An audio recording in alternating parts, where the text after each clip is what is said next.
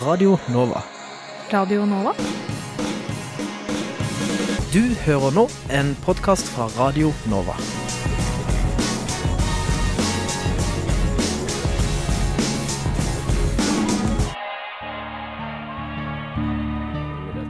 Hovedspørsmålet det hadde vært siden eh, Noam Chomsky etablerte den greina lingvistikken som, som jeg befinner meg i. Vi håper jo på bredest mulig oppslutning om SV, og jeg tror at det eneste som kan få norsk løsner båndene mellom staten og kirka, og forhåpentligvis fører til tettere bånd mellom kirka og folk. Så hadde de gjort som andre fjøringsbevegelser i verden, hadde de helt legitimt, kanskje, tatt i våpen. Og så direkte skildring av menneskeskjebner tror jeg ikke vi har sett i noen annen nyhetsdekning av noen annen terroraksjon. Det er såpass store forskjeller mellom den kalde krigen, hvor det var to supermakter som sto mot hverandre, eh, og den situasjonen vi har i dag. Du hører på samfunns- og aktualitetsmagasinet Opplysningen 99,3 på Radio Nova. Opplysningen 99,3 på Radio Nova. Hvordan kan vi sikre Hvordan kan vi sikre at kommuner blir i stand til å faktisk bosette de asylsøkerne som vi har sagt skal få bli? Karin Andersen, stortingspolitiker fra SV, og Mudassar Kapur, stortingsrepresentant for Høyre, tar debatten. Livet har begynt å vende tilbake til normalen i Somalia, og dermed også folk som tidligere har flykta fra landet. Samtidig er terrorgruppa Al Shabaab langt fra nedkjempa. Er det rom for optimisme for det krigsherjede landet? Ondskap. Et fenomen som dessverre aldri blir uaktuelt. Hvorfor gjør mennesker de mest grufulle handlinger mot hverandre? Vi spør filosof Arne Johan Vetlesen. En har en innvirkning på den enkelte nordmanns selvfølelse og identitet. De sliter, og de har ikke råd til å betale eh, markedspriser for, for gassen. Akkurat nå hører du på Radio Novas samfunns- og aktualitetsmagasin, Opplysningen 99,3.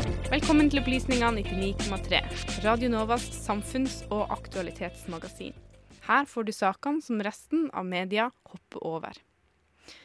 I tillegg til sakene du nettopp hørte, skal vi prøve å forstå hvorfor ingen land i verden har flere sosialantropologer per innbygger enn Norge. Jeg er Hanne Kjæland Olsen, og aller først skal vi inn i nettopp sosialantropologiens verden. Den norske sosialantropologen Fredrik Barth døde nylig, 87 år gammel. Han var en av Norges mest internasjonalt anerkjente akademikere, og omtalt som Skandinavias fremste sosialantropolog. Hvem var denne mannen? Hva er egentlig sosialantropologi, og hva trengs faget til? Stipendiat ved Universitetet i Oslo, Tom Brattrud, er med oss i studio for å svare på det. Velkommen. Tusen takk. Aller først, kan du kort definere hva sosialantropologi er? Ja, jeg kan gi det et forsøk. Eh, altså Sosialantropologi er et eh, samfunnsvitenskapelig fag som studerer kultur og samfunn, og som kort fortalt søker etter, som grunnleggende, hva som er felles eh, menneskelig, og hva som er forskjellig.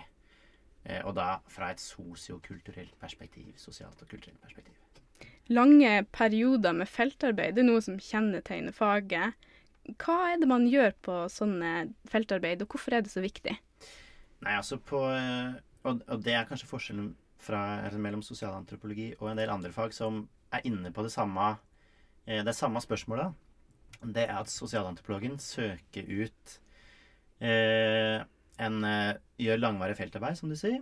Eh, tilbringer lang tid sammen med en folkegruppe eller folk som er opptatt av et visst fenomen er interessert i å studere. Og gjennom da å tilbringe lang tid med disse folka som driver med det her, så prøver en altså Som sosialantropologer så prøver vi så godt vi kan å søke ut lokale perspektiv. The natives point of view, kaller, som en kaller det. Og det gjør en definitivt best ved å prøve å leve i den verden der folka en skal studere, faktisk lever i sjøl. Bli en del av det, heller enn å sitte på avstand og late som en klarer å forstå det fra et kontor på universitetet, f.eks. En som dro på mange sånne feltarbeid, eh, er den norske sosialantropologen Fredrik Barth. Hvem var han? Fredrik Barth eh, er den, definitivt den mest kjente sosialantropologen fra Norge. En av verdens mest kjente sosialantropologer generelt. Eh, og han var veldig kjent. Eh, mer internasjonalt enn i Norge som fagmann. En veldig viktig eh, teori, teoriutvikler og også et forbilde når det gjelder feltarbeid. Eh, men samtidig så var han eh, i tillegg en veldig god formidler. Fagformidler. En fantastisk foreleser. Eh, og, og en, eh, en fyr som drev mye folkeopplysning. Eh, og samtidig så var han en, institusjonsbygger. Han bygde Det er vel mannen som bygde opp Institutt for sosialantropologi i Bergen. Som etter kort da gjorde eh, samfunnsvitenskapen ved Universitetet i Bergen verdenskjent på, eh, på Ja, som, en, eh, som et, eh, en fortsettelse av det Fredrik, Fredrik Barth begynte der borte. Hvilken betydning har han hatt for faget? Stor betydning. Eh, han har eh, flere teoretiske nyvinninger som på en måte var med og skifta en del sånne F.eks. måten å tenke om etnisitet på. Eh, eh, og ikke minst eh, hvordan skal forstå kultur og samfunn eh, ikke som eh, liksom en slags pakke som du kan åpne opp, og så finner du liksom Ok, der er religion, der er det politiske systemet, der er økonomien, eh, osv.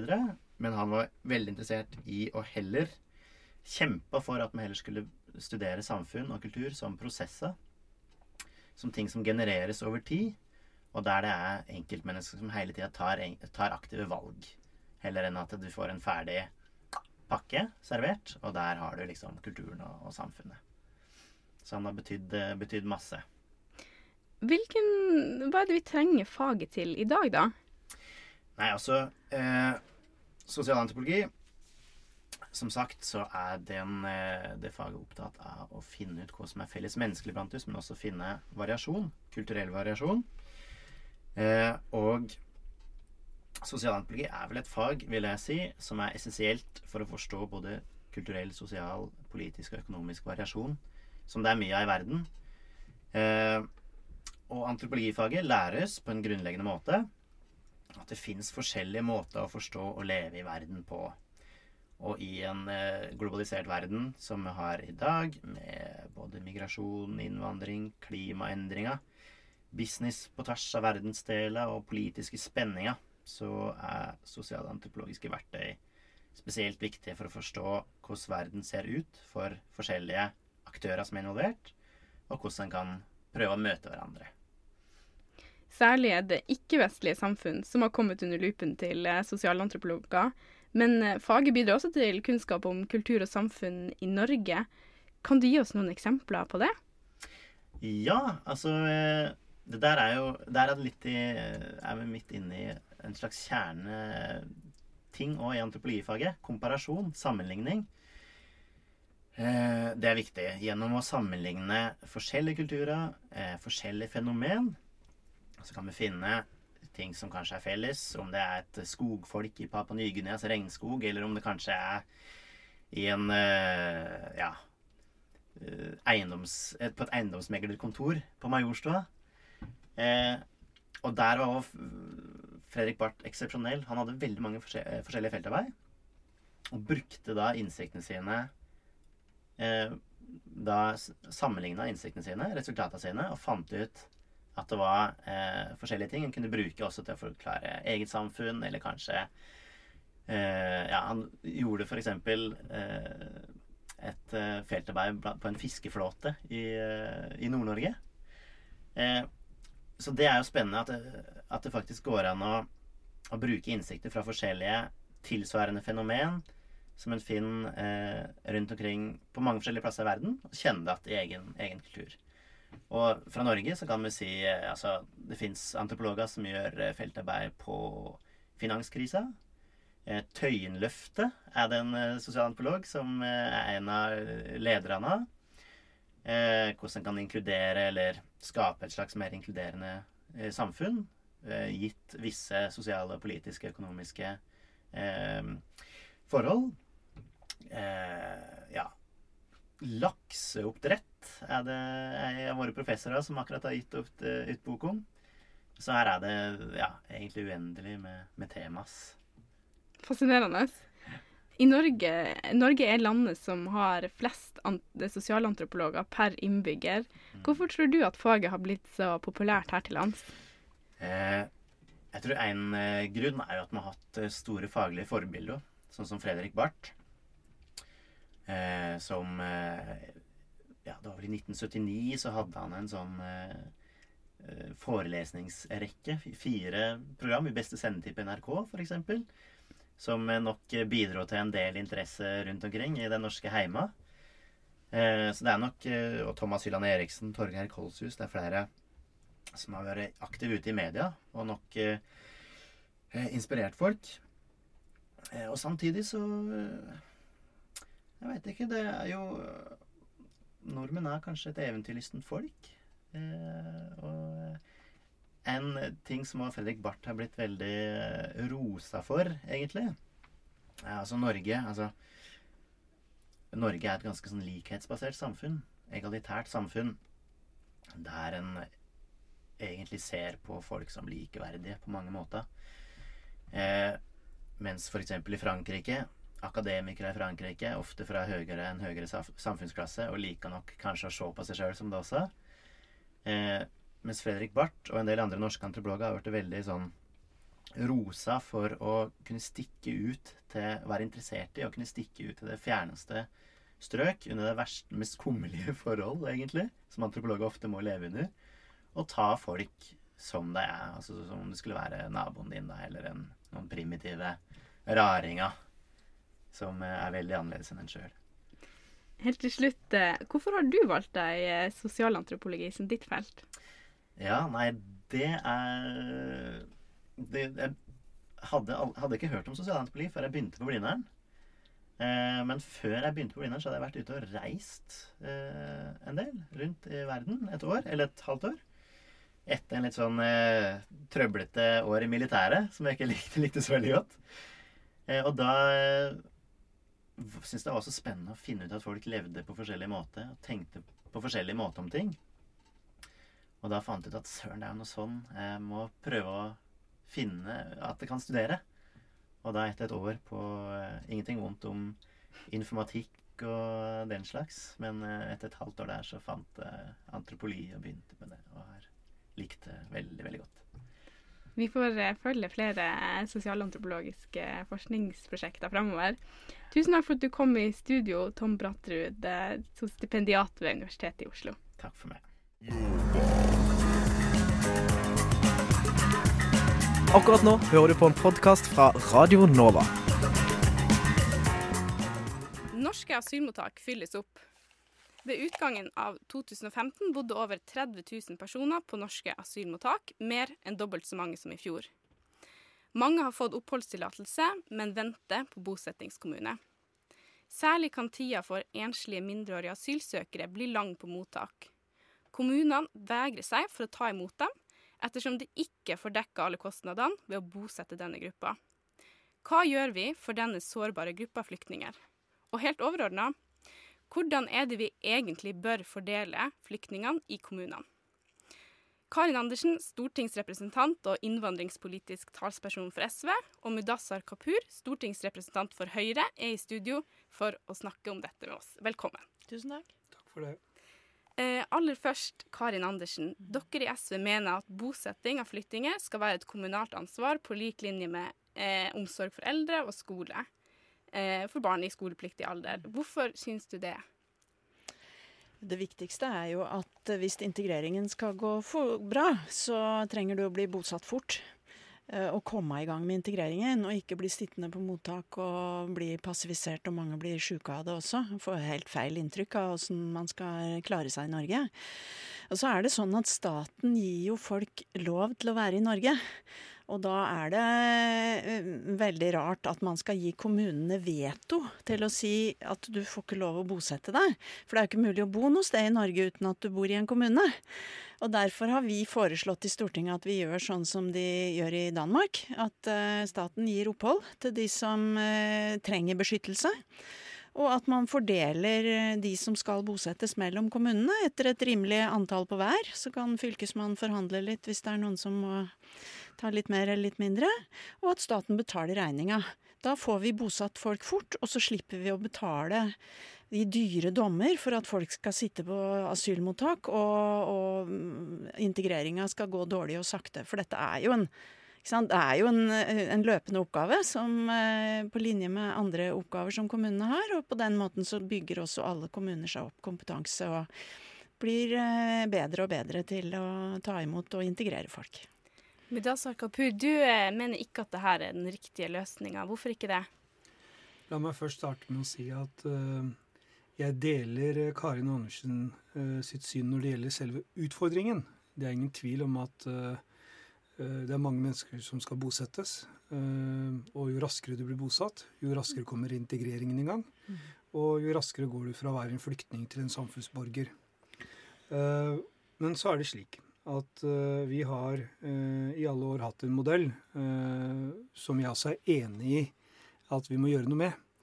Men jeg er uenig med SV i at vi skal hoppe rett fra den modellen vi har i dag, hvor det er en diskusjon mellom stat og kommune én gang i året, og man forhandler om hvor mange man skal bosette, til å se på en del andre alternativer uten å gå hele skrittet til tvang.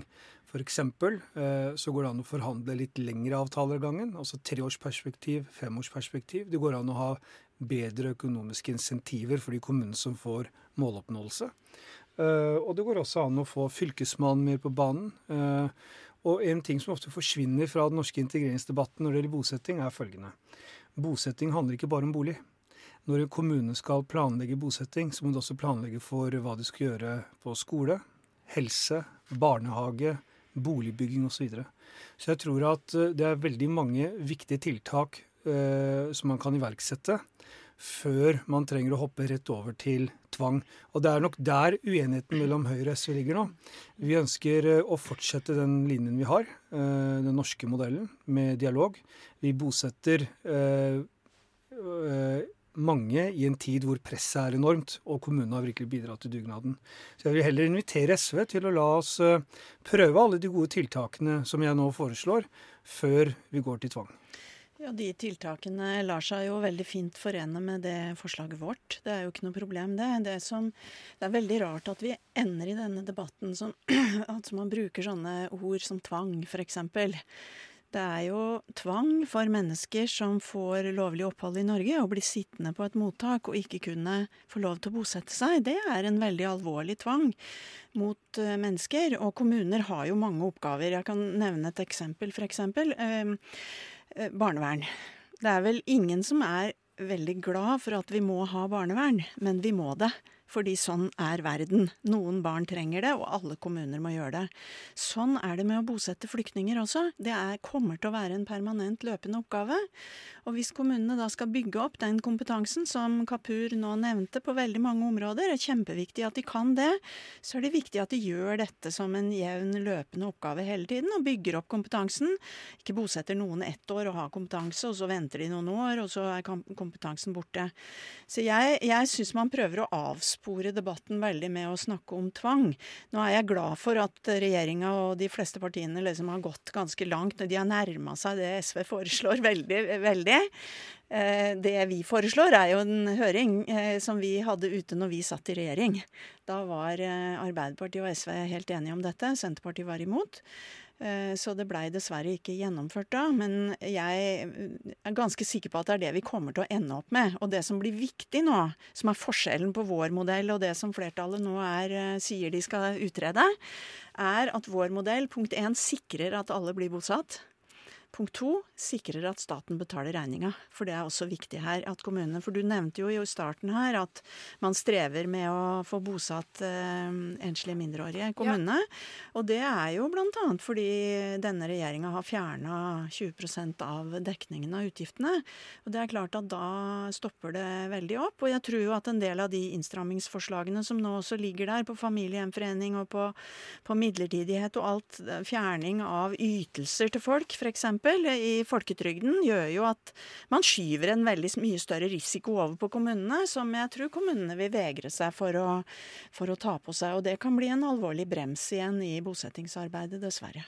La oss snakke om de her enslige mindreårige asylsøkerne. I eh, fjor så kom det over 5000 personer under 18 år til Norge. Eh, og i dag dekker staten rundt 90% av kostnadene kommunen har ved å bosette denne gruppa. Eh, Barne-, ungdoms- og familiedirektoratet de som har ansvar for bosetting av denne gruppa. Og de sier at det er svært få kommuner som melder seg. Eh, blant annet så har ordninga blitt kritisert av Redd Barna. Hva vil du gjøre for at flere kommuner skal ta ansvar for barna, Kapur? Det er veldig viktig det du tar opp nå. Eh, Jeg må jo begynne med å si at eh, eh, uten å måtte snakke for mye om fortiden, så har denne regjeringen gjort mer for de enslige mindreårige eh, asylsøkerne enn det har blitt gjort lenge i dette landet. Vi har eh, veldig tett dialog med kommunene, og spesielt barnevernet når det gjelder dette. Vi har også ganske god dialog med frivilligheten for å se på gode løsninger, slik at barna kan starte integreringen tidlig. Men du har helt rett i at det er en særlig eh, sårbar gruppe. Eh, jeg tror at eh, når det gjelder enslige mindreårige asylsøkere, nå snakker jeg veldig på vegne av Høyre og ikke regjeringen, må jeg understreke. Jeg har eh, tatt til orde for at eh, når det gjelder barn, så må vi nok lene oss litt ekstra mer eh, fremover.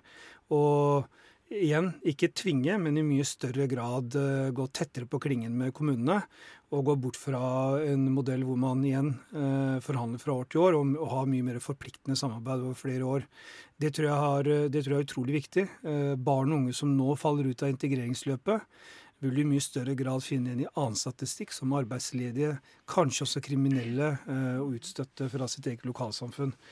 Men, men, men igjen, altså jeg mener at eh, vi må lytte til lokaldemokratiet. Vi må gjøre dette sammen med kommunene. Altså, Karin har helt rett i alle skal bosettes i en kommune. Og det er nettopp det som er mitt utgangspunkt. Da må vi også gjøre det sammen med kommunen. Hvis ikke så får vi en debatt som, eh, eh, som vi skal altså takke oss for at vi ikke har i Norge i dag. Hvor man har en debatt i kommunen på hvordan man skal bosette, i stedet for om man skal bosette eller ikke, når man føler at det blir statlig tvang. Men- og jeg tror også eh, at det vi er jo må, sånn det er i Jeg må bare få snakke ferdig. Ja. Og så må jeg tror også vi skal på en måte eh, ta inn over oss at eh, 161 av 169 stortingsrepresentanter, eh, som da representerer eh, mange eh, mennesker rundt i landet, er jo uenig i SV eh, i at tvang er løsningen. Vi er enige om mange av virkemidlene, vi er enige om problemstillingen, men la oss gå løs på oppgavene sammen med det lokalsamfunnet som skal bosette, og ikke tvinge det ned i hodet på dem. Og der tror jeg det finnes mange gode løsninger. Men, men nå er det virkelig på tide å tenke nytt. Og det er jo det jeg savner at det skjer nå. At man ser at her er det et kjempebehov. At man ødelegger integreringen ved ikke å få bosatt. Og dette er mest alvorlig for barna. For det, de har ofte vært på flukt lenge aleine. Og det å leve på mottak også er jo en helt unormal situasjon. Så det er jo enda viktigere for dem at de blir bosatt veldig fort. Man sier liksom hva slags debatt skal vi ha i kommunestyret? Nei, den debatten i kommunestyret bør jo absolutt være om integrering. Og i dag går jo debatten skal vi bosette eller ikke bosette. Og noen ganger sier man ja, og noen ganger er det et stort mindretall som har sagt nei. Og vi har jo til og med en finansminister som har oppfordret til ikke å bosette. Så, så det er jo ofte opprivende og dårlige debatter som eh, møter liksom de som eh, skal bosettes. Og de debattene mener vi ikke har noe godt for seg. Tvert imot så bør man diskutere hvordan man skal integrere. Og på, når det gjelder barna, så bør man umiddelbart sørge for at kommunene får 100% dekning av utgiftene sine. For det sier jo kommunene sjøl at det er det som er problemet. Mener det er det du- som er hovedproblemet. At de, de har ikke råd til å ansette nok folk til å ta fagfolk til å passe på disse barna og sørge for at de får en normal barndom. For det, det, det er, der tror jeg Kapur og jeg er enige. Det er ei gruppe som er fenomenalt flinke til å integrere.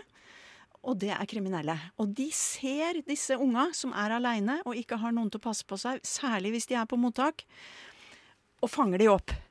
Og gir dem en tilhørighet og en identitet som det kan være vanskelig å bryte etterpå. Og vi må være liksom tidlig på og gi dem det tryggheten og den identiteten, og et lokalsamfunn de kan høre til i veldig mye raskere enn det vi gjør nå. Er det aktuelt å, å dekke 100% av utgiftene som kommunen har? Altså, Vi har jo sagt i integreringsforliket, som nå består av alle partier bortsett fra SV og MDG, at vi skal komme tilbake eh, til en ny modell for bosetting, hvor, hvor man særlig ser på økonomiske insentiver. Så får man komme tilbake til hva det skal være. Men jeg må igjen understreke at det vi gjør i dag, er ikke dårlig, det heller. Og så eh, vil jeg også eh, Men det er jo sånn at særlig barn under 15 år eh, er det vanskelig for bosatt som skal bo i sånne bofellesskap.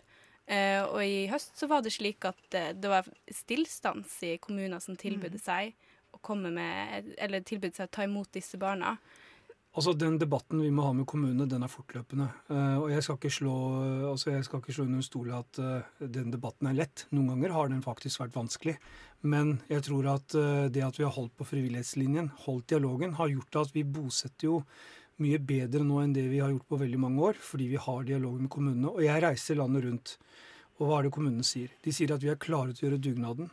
Vi er klare til å bosette, men vi må få lov til å være med på det. Og jeg tror at det lokaldemokratiaspektet, det skal vi ikke ta bort. Uh, og jeg syns også det er uh, egentlig veldig, veldig bra at uh, Karin også tar inn dette med, med kompetansemiljøene i kommunene.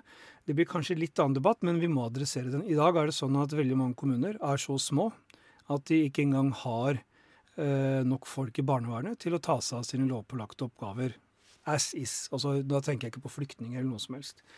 Uh, og det er litt morsomt å se at SV i kommunesammenslåingsdebatten er veldig på frivillighetslinjen. Selv om mange kommuner mm. ikke har uh, kapasitet til å gjøre sine lovpålagte tjenester.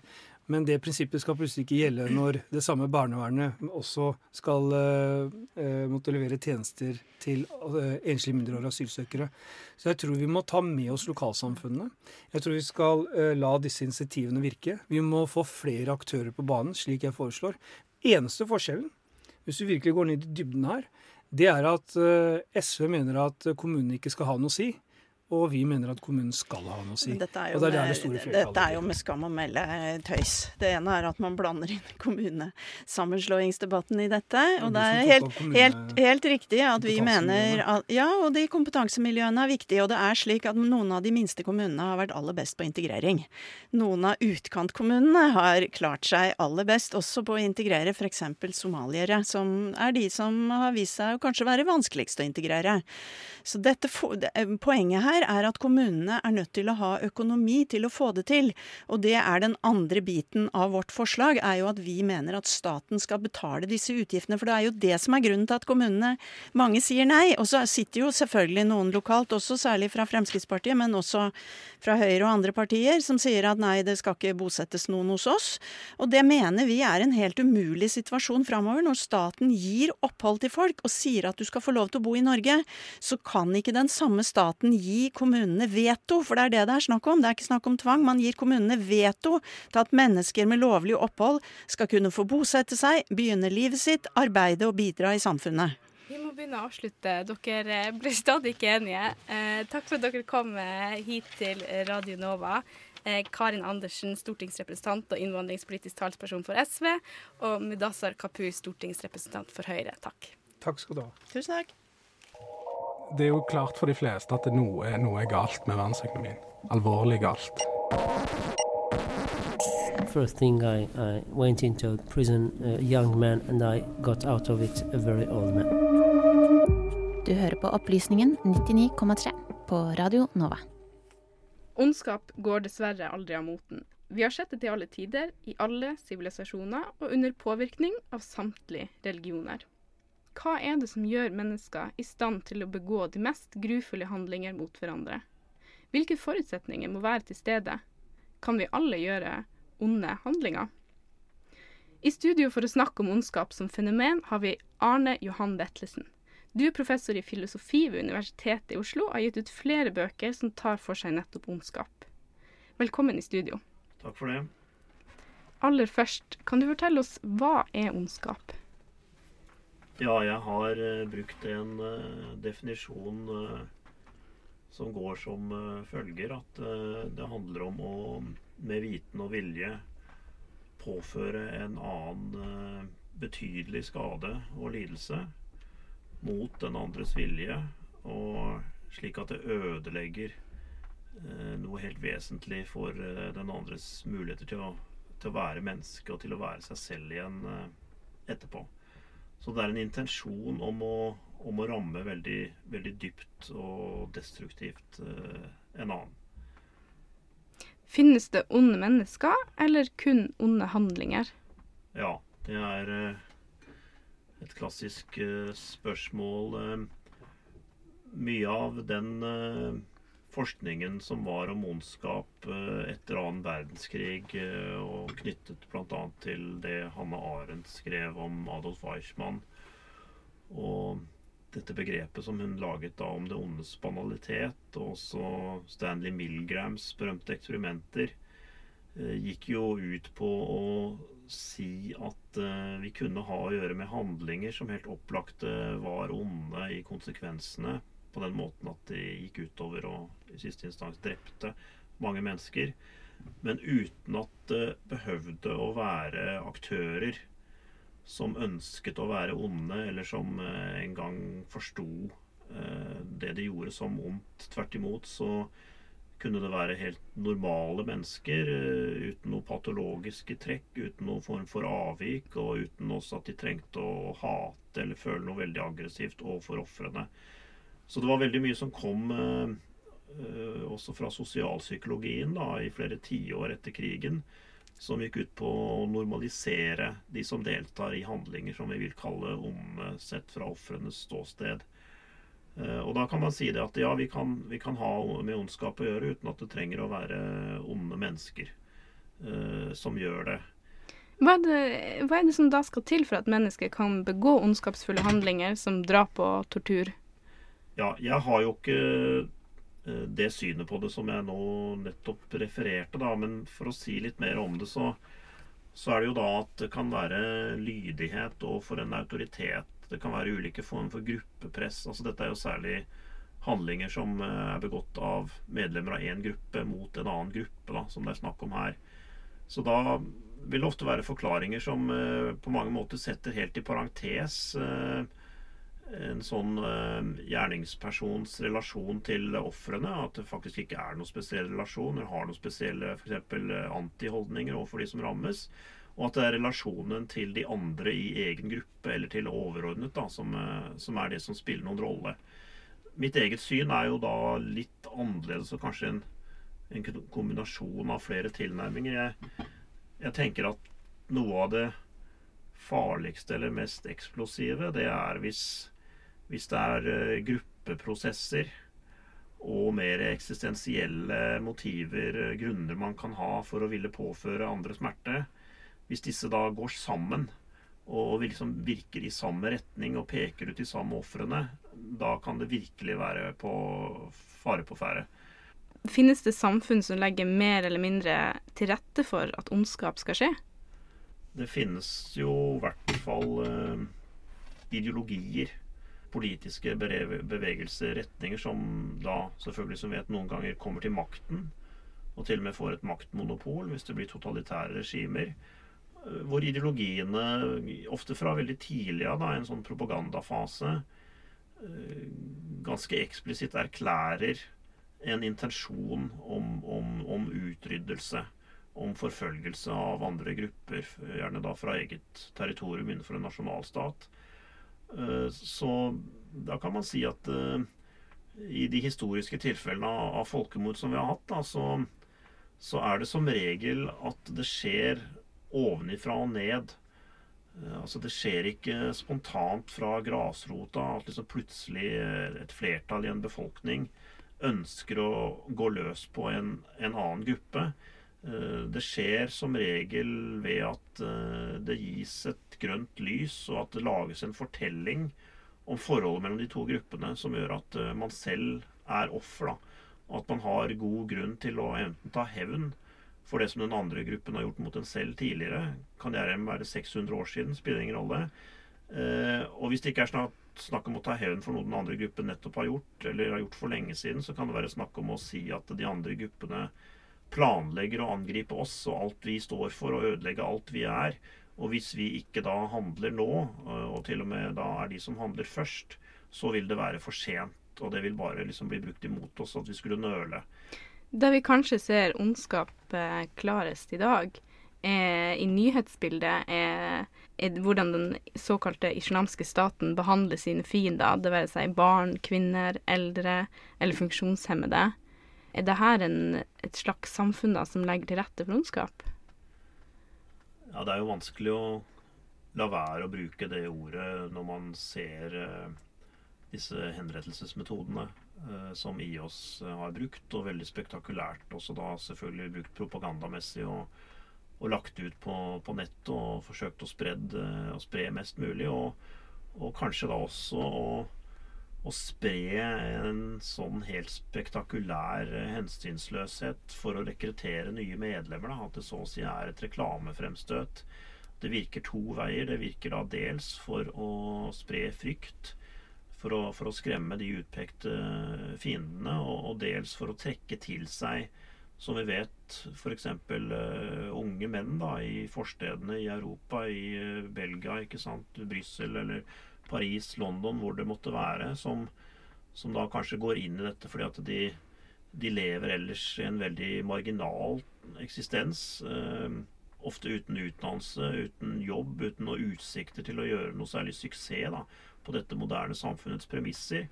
Og så tilbyr eh, medlemskapet i IS det å få en retning på livet, eh, få en arena for anerkjennelse fra andre, og virkelig føle at man er noe som gjør en forskjell. Og da kan jo utenverdenen si det at det er en forferdelig destruktiv måte da, å få besvart egentlig veldig, veldig enkle behov for identitet og anerkjennelse og en mening med livet på som de fleste av oss ellers får, eller i hvert fall søker et svar på uten å bruke vold. da.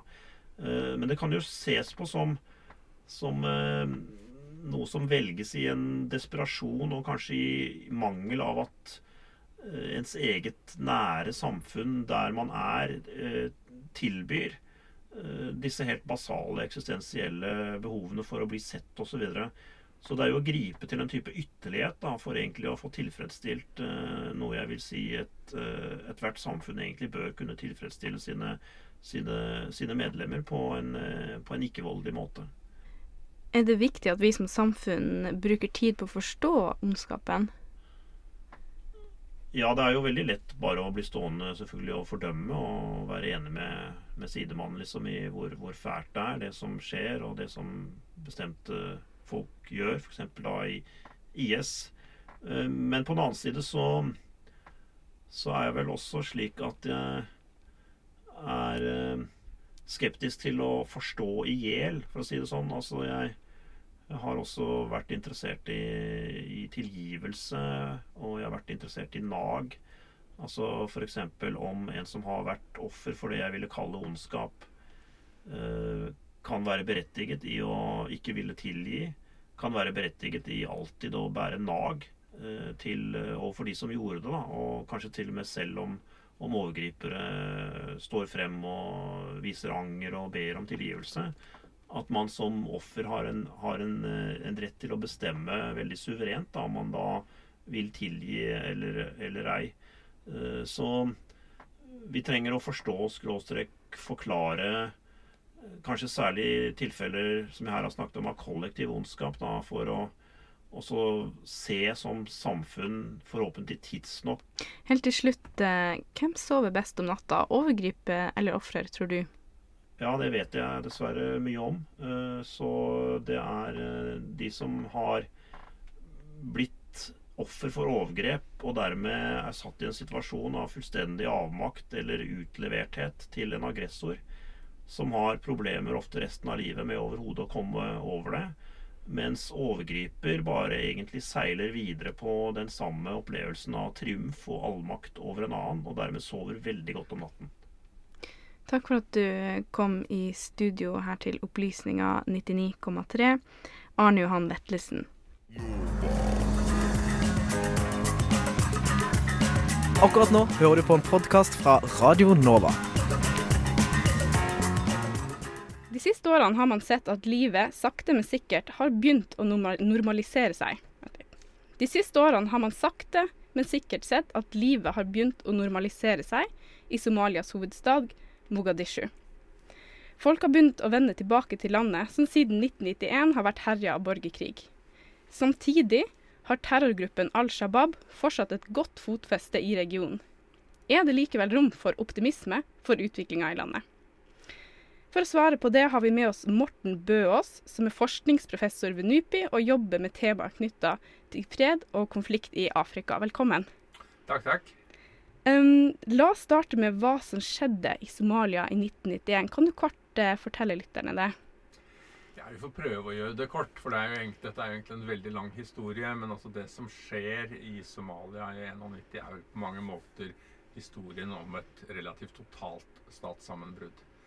Det er en stat som uh, slutter å fungere som en stat, og som uh, følge av det så fragmenterer Somalia inn i ulike klaner og konflikter mellom de. Og dette er ikke noe som skjer sånn over natta. altså Dette er et, et land som har sakte, men sikkert begynt å gå i oppløsning. Bl.a. pga. at de har ført endeløse kriger mot Etiopia. Bl.a. om kontroll over den såkalte Ogaden-regionen. Eh, hvor lenge har Al Shabaab vært en stor aktør i maktspillet i landet?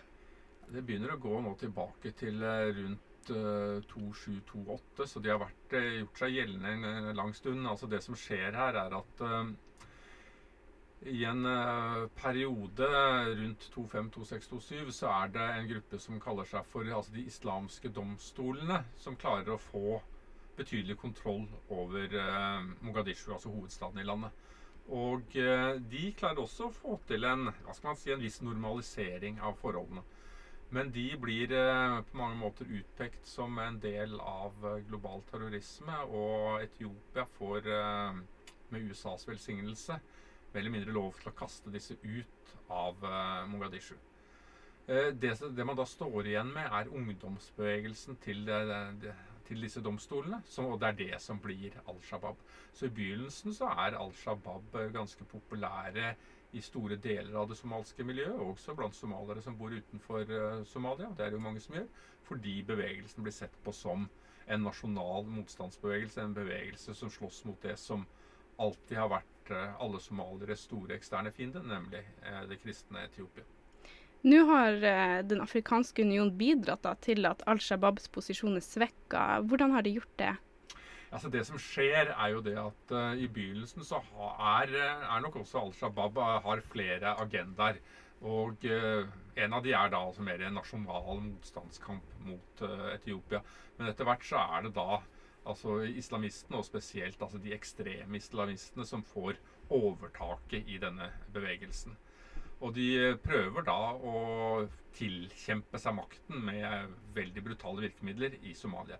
Det her fører til at den, fordi FN har gitt opp, fordi, eller på mange måter mer eller mindre har gitt opp, at det er ingen andre eksterne stater som er, altså utenfor Afrika som har noe lyst til et nytt eventyr i Somalia. USA har ikke lyst. De har gått på smeller der. EU eh, e har ikke lyst, eh, Frankrike har ikke lyst, England har ikke lyst. Så da står det man da står igjen med er Den afrikanske union, som da går inn med en betydelig styrke. En styrke som stort sett er sammensatt av soldater fra nabolandene. Uganda er inne med tunge troppestyrker. Det er noen styrker fra Burundi. Og så er det jo da klart Etiopia, og etter hvert også Kenya kommer inn her. Og denne AU-styrken den klarer etter hvert å få både kontroll over Mogadishu og etter hvert også de fleste andre større byene i det sørlige Somalia. Så de har klart å få til en Altså dytte Al Shabaab tilbake og ut i mer grisgrendte strøk. Og dermed har de også fått til en viss grad av normalisering av dagliglivet, spesielt i Mogadishu. Men når det er sagt, så har Al Shabaab fortsatt betydelig innflytelse. De siste årene har man sett at folk vender tilbake til landet. Kan man si at Somalia likevel er kommet på riktig spor? Altså, jeg tror vi skal være forsiktige med å si at dette er kommet på et riktig spor. Men jeg tror at uh, det vi kan si er at det er på et noe Det er antydninger til et mer riktig spor nå. Og det ser man jo også i at det er en del som vender tilbake. Men fortsatt så er denne tilbakevendingen ganske så forsiktig. Så det betyr at når somaliere vender tilbake, så er det ofte i den form at enten så vender man tilbake og er der en stund, men man beholder eh, også adresse og hjemsted andre steder, det være seg i Norge, det være i England, USA. Eller f.eks. at en familie sender tilbake ett familiemedlem som bor der mer eller mindre permanent men at man igjen beholder retrettmuligheten. Så det er av de som har vendt tilbake til nå, så er det veldig få som har avskåret seg fra denne retrettmuligheten. Dvs. Si at man liksom har gjort opp sitt bo f.eks. i Norge og pakket alt med seg, tatt med seg hele familien og dratt tilbake uten noen tanker om eventuelt å vende tilbake til Norge igjen. Det er det veldig få. Og det er det gode grunner til, for dette er fortsatt såpass uh, spent, og det kan eh, fortsatt bikke ulike veier. Men at folk begynner å teste ut hva skal man si, teste badevannet i Mogadishu, også rent bokstavelig talt, for at noen av strandbarene har blitt eh, åpnet igjen. Stranda i Mogadishu bystranda er åpnet igjen. Det er, eh, det er en positiv spire i seg selv. For et par uker siden så, så vi at hovedstaden ble ramma av et terrorangrep. Akkurat i det området i nærheten av disse badestrandene som er så populære, som Al Shabaab sto bak. Hvordan påvirker det her den positive utviklinga? Det er klart at dette er jo ikke bra for den eh, litt mer positive utviklingen som vi snakket om med nå nettopp. Men på den annen side så er også dette noe som eh, dessverre befolkningen i Mogadishu har blitt vant til. Ja, eh, Al Shabaab står ikke lenger inne i Mogadishu med store troppestyrker. Det er ikke sånn at de permanent kontrollerer gater, markeder, bygninger mer. Men de er fortsatt tilstedeværende. Og det er folk klar over. Og eh, alle vet at dette skjer innimellom. Altså Det her er blitt en del av dagliglivet i Mogadishu. Og noe man befolkningen der bare vet at man må påregne at slikt skal skje. Man håper at det ikke skjer, men det skjer innimellom. Hva betyr det for landets utvikling at eh, folk prøver ut det med å flytte tilbake i stadig større grad? Ja, altså Det her kan bety flere ting. En ting er at det er positivt for den somaliske økonomien. Altså Det betyr at det kommer nye investeringer inn i landet. Nå har det alltid kommet mye penger inn i Somalia pga. at altså, den somalske diasporaen, altså somaliere som bor utenfor landets grenser, altså i Norge, Sverige, Danmark, Finland, hvor det måtte være i verden, de sender mye penger hjem. Og det er en av de tingene som har holdt Somalia gående, er alle disse pengene som sendes hjem. Så det er nødvendigvis ikke altså det økonomien og det økonomiske entreprenørskapet som er, er problemet her, men snarere altså disse politisk-økonomiske konfliktene og makt som går både mellom klanlinjer, mellom hvordan man ønsker at et nytt Somalia skal se ut, og ikke minst dette spørsmålet om ikke om landet skal være en islamsk stat, for det er alle enige om. Altså alle somaliere er muslimer, men altså hvilken rolle islam skal spille både i politikk og i samfunnsliv generelt. Altså Der er det store splittelser. Og det er ikke sånn at Al Shabaab er en kun en liten ekstrem minoritet. Altså det, er, det er fortsatt en viss grad av folkelig støtte for deler av Al Shabaab-kravene. Nødvendigvis ikke majoriteten, men nok til at de kan holde dette gående. Helt til slutt, eh, det er sikkert vanskelig å spå noe om, men hvordan ser maktkampene ut i Somalia framover? Ja, er det én ting jeg har lært meg etter å ha jobba med konflikter i eh, over 20 år, eh, og forskning på det, så er det at det er, eh, vi samfunnsvitere vi er veldig dårlige til å spå, spesielt om framtiden. Vi er Noen ganger så er vi ganske gode til å forklare ting som har skjedd. Vi, er, vi, har ikke noen veldig god krystallkule. Men altså et par scenarioer, hvis jeg har tid til å skissere de, så er det ene er at den positive utviklingen som, har, som, som, har, som er spirende nå, at den får fortsette. At du får eh, bygd opp institusjoner som enda bedre klarer å normalisere dagliglivet, og at eh, Shababs evne til å gjennomføre angrep inn i hvert fall i større byer som, som Mogadishu og andre, blir noe mindre, og at bevegelsen langsomt fragmenterer og blir et mindre problem enn den er i dag. Det er det, det, er det positive scenarioet. Og at man får en ny hva skal man si, republikansk ånd i Somalia, hvor man blir enige også om hvordan den framtidige statsstrukturen skal se ut, og spesielt altså hvor mye makt som skal delegeres til altså de ulike delene av Somalia, hvor de ulike klanene er sterke. Eh, det negative scenarioet er at eh, Eller altså det, det andre scenarioet er at det mer eller mindre fortsetter som nå.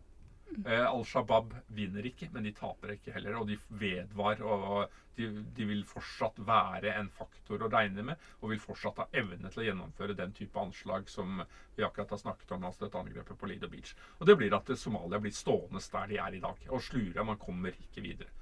Det tredje og det mest negative scenarioet er at uh, dette eskalerer, og at Al Shabaab klarer å regionalisere sin konflikt, sånn at, altså at Al Shabaab-konflikten sprer seg i enda sterkere grad også til andre land i naboområdet som enten har en somalsk minoritet, som Kenya, eller har spenninger mellom majoritetssamfunnet og eh, religiøse elementer, som man finner også f.eks. i Tanzania. Og Al Shabaab er klar over dette her og jobber veldig bevisst med en strategi utenfor Somalia, som inkluderer også en veldig sånn spesifikk satsing på å presentere seg ikke kun på altså det somalske språket, men også på eh, swahili. Og har egne magasiner, internettmagasiner f.eks. på swahili. La oss håpe på en utvikling som ligner mest på det første scenarioet. Takk for at du kom i studio, Morten Bø Aas, forskningsprofessor på NUPI. Takk til deg. Takk skal du ha. Vi har kommet til sendingas slutt. Både denne og tidligere sendinger finner du som podkast i iTunes og på Soundcloud. Du finner også på vår Facebook-side Opplysninga 99,3 eller våre nettsider på radionova.no. Bidragsytere til dagens sending var Kristine Brastad Dammen, Signe Grape og Vebjørn Løvaas. Tekniker var Isak Ree. Jeg er Hanne Kjærland Olsen.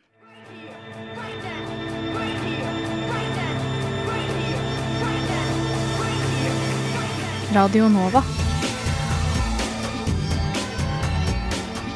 Du har hørt en podkast fra Radio Nova. Likte du det du hørte? Du finner flere podkaster i iTunes og på radionova.no.